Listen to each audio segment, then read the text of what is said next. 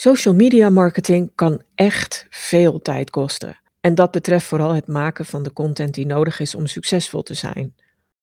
Of waarvan je denkt dat die nodig is om succesvol te zijn. Maar als je echt helemaal genoeg hebt van die social media stress, kun je ook op een andere manier naar social media kijken en naar de inzet ervan. En ontdekken dat je op een andere manier nog steeds heel succesvol kan zijn.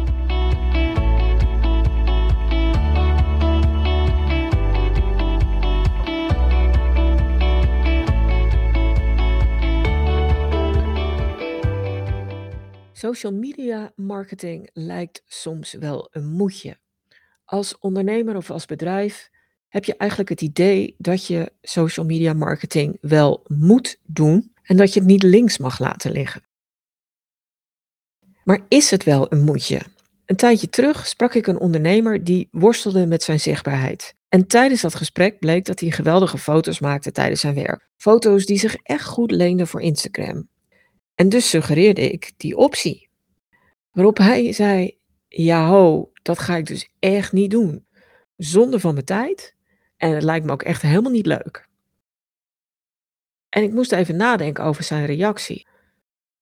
En ik vond hem eigenlijk helemaal valide. Ja, als je het niet leuk vindt en als je het zonde van je tijd vindt, moet je het zo ook zeker niet doen. Maar wat zijn dan je alternatieven? Zijn die net zo goed of misschien wel beter als de inzet van die foto's op een social media platform als Instagram? Of zijn die misschien minder goed? En dus gingen we nog een keer helemaal terug naar de basis en objectief kijken welke acties hij zou kunnen inzetten om zijn zichtbaarheid te vergroten, die misschien beter bij hem pasten, maar die mogelijk ook meer rendement zouden opleveren dan dat gedoe met social media.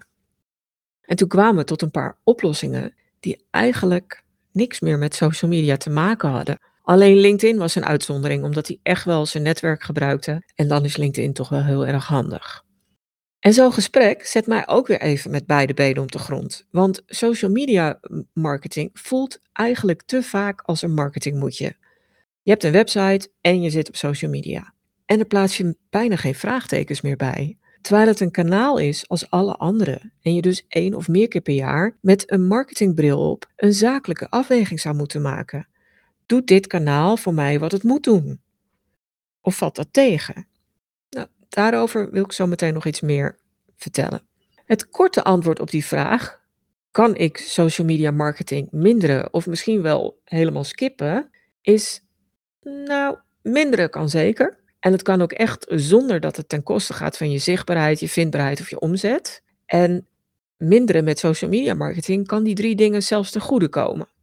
Dat wil ik zo meteen ook toelichten. Maar stoppen, ik denk dat dat niet slim is. Om een belangrijke reden, of eigenlijk twee redenen, die ik straks nog wil adresseren. Hoe zit dat dan? In deze podcast wil ik het kort op een rij zetten met de nadelen van social media, die we soms nog wel eens over het hoofd zien of met opzet negeren de keuzes die je echt hebt en de alternatieven die mogelijk veel effectiever voor je zijn.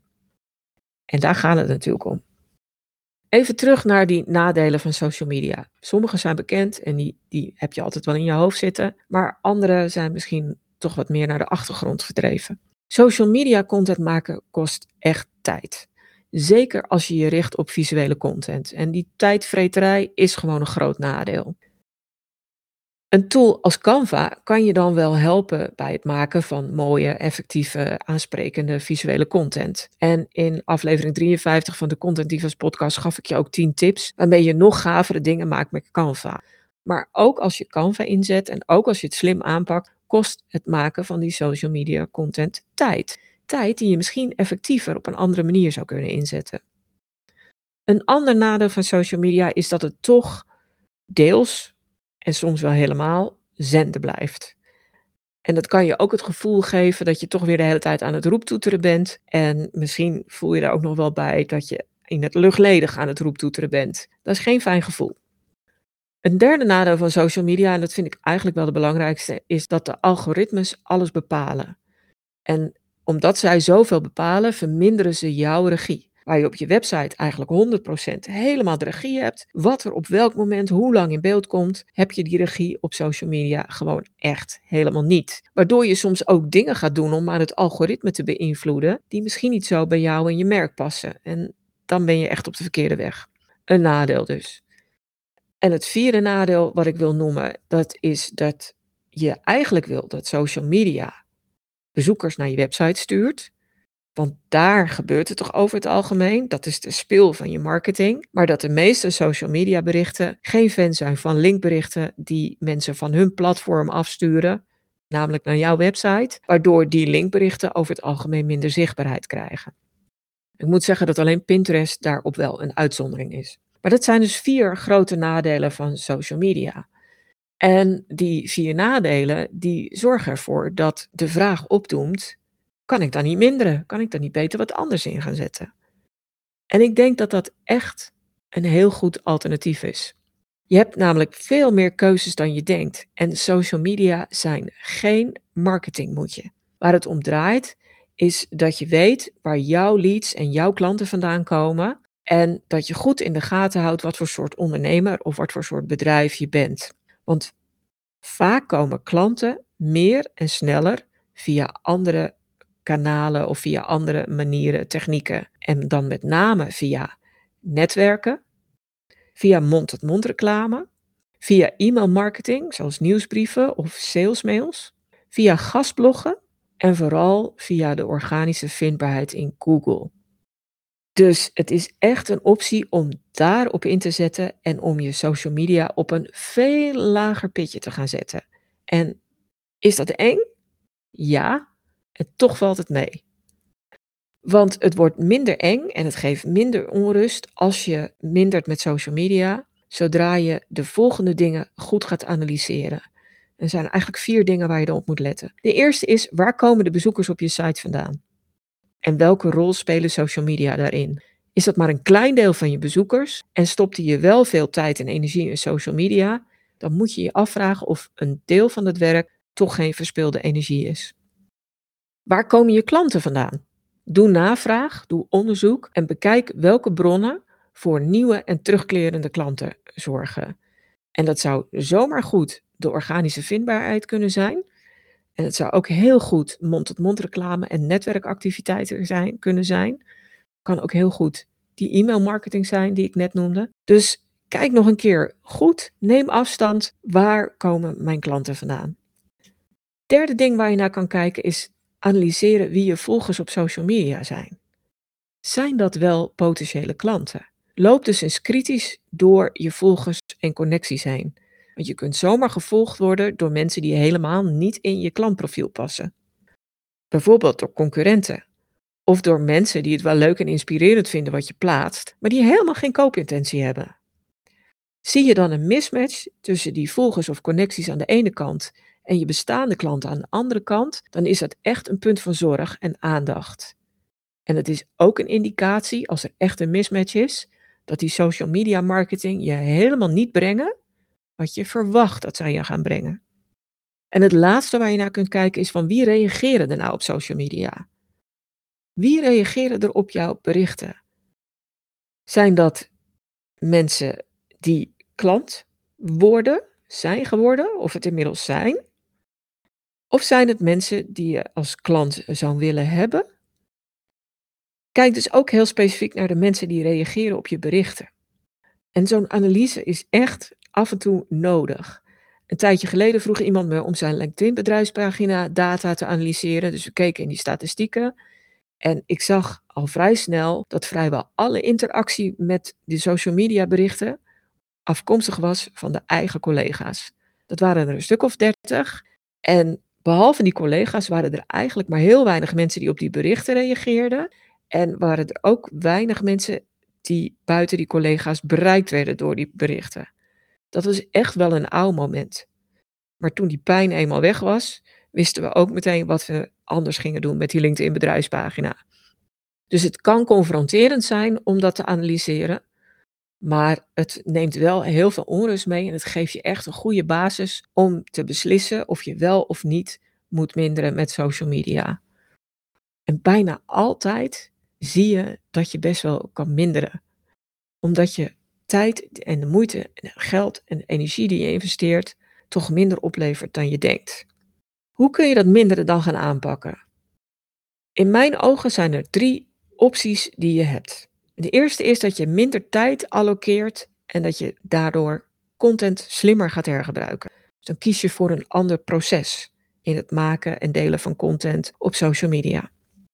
De tweede optie die je hebt is om rigoureus op minder platformen aanwezig te zijn.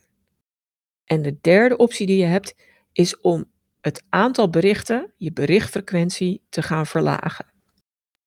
Die eerste optie, minder tijd allokeren. Hoe kun je dat dan uiteindelijk gaan doen? Het kan eigenlijk alleen maar als je je werkproces gaat herzien. En dan is een waarschuwing wel op zijn plaats. Een nieuw werkproces kost in het begin bijna altijd meer tijd. Maar daarna gaat het rendement opleveren. In dat werkproces, het nieuwe werkproces, zou je de nadruk moeten leggen op hergebruik en herplaatsen. Als je tenminste echt tijd wil besparen. En je moet een soort routine maken, een soort routinematig proces. En als voorbeeld wil ik mijn eigen praktijk met deze podcast geven. Van elke podcast die ik opneem, wordt automatisch een blogartikel op mijn site geplaatst. En daarin plaats ik een leesbare tekst die afkomstig is van de outline die ik maak voor ik een podcast opneem. Het is dus geen transcriptie. Want de transcriptie levert niet altijd prettige leesbare tekst op. Dus dat moet je op een andere manier doen. Dus dat kost een beetje tijd, maar die webpagina is daardoor wel geoptimaliseerd voor vindbaarheid. En daar heb ik dus al één slag geslagen dat die podcast ook automatisch een blogartikelpagina op mijn website wordt. Tweede wat ik doe is dat ik een template heb in Canva waarin ik een samenvatting van de podcast kan maken. En die kan ik exporteren als ofwel een beeldcarousel ofwel als een korte video. En dat kan ik moeiteloos afwisselen, dus dan krijg ik ook wat variatie. En wat ik ook nog doe, is dat ik die outline tekst die ik gemaakt heb, drie dagen later kopieer naar een LinkedIn-artikel.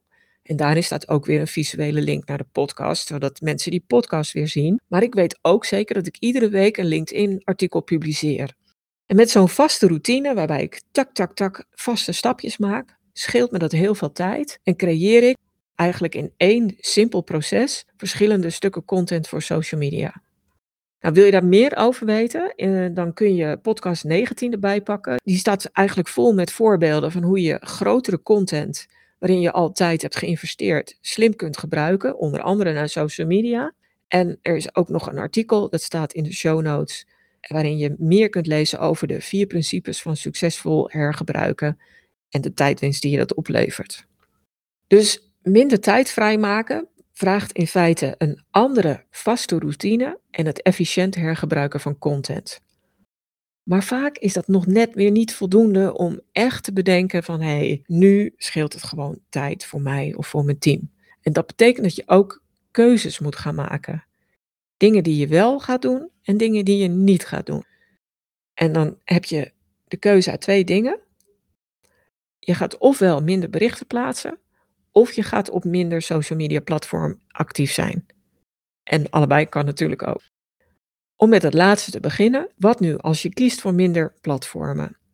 En wat ik om me heen zie, is dat die zogenaamde fear of missing out, de FOMO, er bij heel veel bedrijven voor zorgt dat ze op drie of meer platformen actief zijn.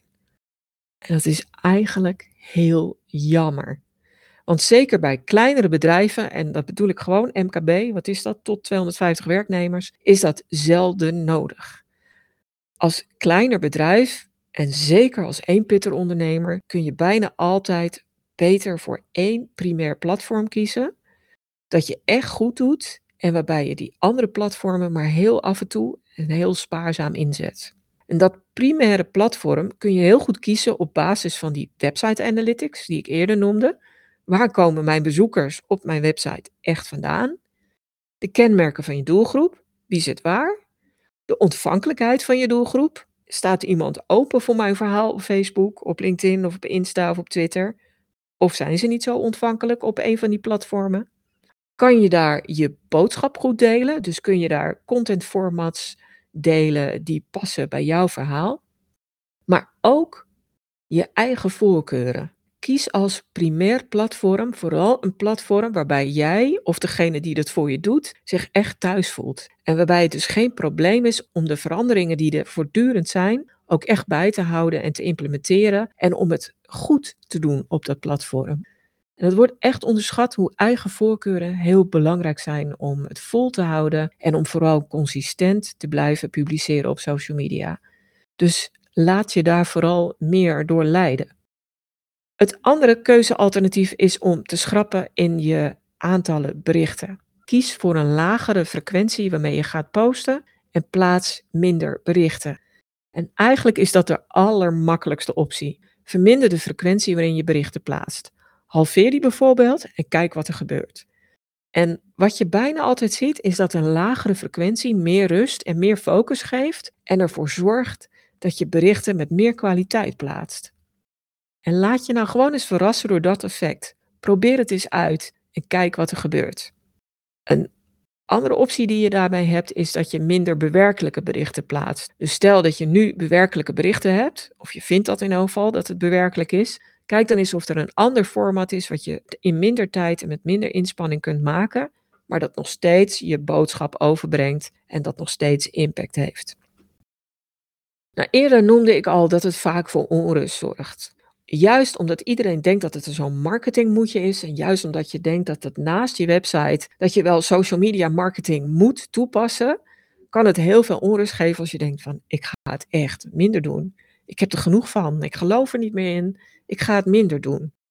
En zo'n marketingactie die je misschien wel jarenlang gewend was om in te gaan zetten, om dat minder te gaan doen, dat kan echt voor onrust zorgen. En dat is heel normaal. Dus erken die onrust. En die onrust kun je wel verminderen door de tijdwinst die je hebt, of die je gaat creëren, te gebruiken voor een andere marketingactie. En natuurlijk bij voorkeur een actie waarvan je weet dat die sowieso een rendement oplevert. Dus eerder in deze podcast gaf ik wat alternatieven aan, zoals gastbloggen, e-mailmarketing en natuurlijk zoekmachine-optimalisatie, je vindbaarheid in Google. En kijk dan eens wat je daar meer mee zou kunnen doen. Wat is nu al succesvol van je, van deze opties die er zijn? Wat kun je misschien nog verbeteren of intensiveren om daar nog meer rendement uit te halen? Of probeer iets heel nieuws om een echt nieuwe impuls aan je marketing te geven. Bijvoorbeeld, doe je nog weinig met salesmails? Doe je weinig met gastbloggen? Probeer dat dan een keer in te zetten om te zien welk resultaat het oplevert. En die onrust voorkom je ook door in elk geval niet helemaal te stoppen met social media. Ik, ik heb wel eens klanten bij wie dat opgekomen is, maar dat raad ik af, want die stap is allereerst vaak te groot, zorgt voor te veel onrust. Maar er zijn nog twee andere belangrijke redenen waarom het vaak helemaal niet verstandig is om echt te stoppen met social media marketing. En die eerste reden is dat je door bedrijfspagina's en bedrijfsaccounts te claimen op social media en daar een lichte invulling aan te geven, dat je zogenaamd online vastgoed claimt. Die accounts worden namelijk zichtbaar in Google en als mensen je bedrijfsnaam googelen, helpen die accounts je om de eerste pagina met zoekresultaten helemaal te domineren. Als het goed is, staat bovenaan je website. Als mensen mobiel zoeken, zou ook nog eens keer helemaal bovenaan je Google bedrijfsprofiel kunnen staan, gevolgd door je website. En daaronder zouden je bedrijfspagina op LinkedIn, je bedrijfspagina op Facebook, ander account op Facebook, je account op Instagram, je account op Twitter, op YouTube, die kunnen daaronder komen te staan. En dat is heel erg belangrijk om die eerste pagina met zoekresultaten te claimen en te domineren, want daar heb je dan enige vorm van regie over. De andere reden is om altijd wel enige aanwezigheid te behouden, is dat als je in de toekomst wil adverteren, dan heb je een basisaccount nodig. En als het account langer bestaat en ook enigszins onderhouden is, komt dat geloofwaardiger over als afzender van advertenties. En door enige aanwezigheid te behouden, creëer je dus een betere afzender en hou je die optie om later succesvol te zijn met social media advertenties voor jezelf open. Maar eigenlijk vind ik het claimen van online vastgoed wel veel belangrijker. Hoe behoud je dan enige aanwezigheid? Dat verschilt een beetje van bedrijf tot bedrijf. Maar bijvoorbeeld door één keer in de maand, één keer in de twee maanden of zelfs één keer per kwartaal één bericht te plaatsen. Echt een minimale aanwezigheid te doen op verschillende social media accounts waarvan je zegt, daar stop ik geen energie in, want ik denk dat ik daar geen klanten vandaan haal, maar ik wil ze wel representatief houden. En dat kan in feite het herplaatsen zijn van een bericht wat op je primaire social media account succesvol was. En soms moet je dan het formaat iets aanpassen of de tekst iets aanpassen of hoe je het indeelt iets aanpassen. Maar in veel gevallen kun je het bijna één op één of helemaal één op één overzetten. En kun je op onbelangrijke social media accounts toch ze representatief houden. Dus probeer social media niet langer als een marketingmoetje te zien. Want dat zouden ze echt niet moeten zijn. Probeer dus een keer afstand te nemen en echt objectief te kijken naar de resultaten van je social media marketing en vergelijk die met de inspanning die je daarvoor moet leveren. Is dat het waard? En hoe verhoudt zich dat tot andere marketingacties die je mogelijk met minder werk kunt inzetten om meer rendement te boeken? Dus probeer afstand te nemen en een afgewogen analyse te maken en op basis daarvan ook een afgewogen keuze te maken voor andere routines en processen, zoals slimmer hergebruiken, voor de inzet van minder platformen of voor de inzet van minder berichten en een lagere frequentie. En mocht het toch wat onrust opleveren, verken dan ook je alternatieven voor social media marketing. Want die zijn er echt. En in mijn praktijk blijken ze vaak een stuk effectiever. Dankjewel voor het luisteren. Voel je zeker vrij om deze aflevering van de Content Divas podcast met anderen te delen als je denkt dat dit van pas kan komen. En heb je zelf een handige tip of inzicht opgedaan met deze aflevering, dan hoop ik dat je een review wil achterlaten. Heb je nog meer vragen? Zoek je meer informatie? Neem dan zeker een kijkje op de website. Die vind je op stroop.nl met dubbel S. En daar vind je natuurlijk ook die handige content kennisbank waar je allerlei gratis checklists, stappenplannen, handleidingen en nog veel meer kunt vinden.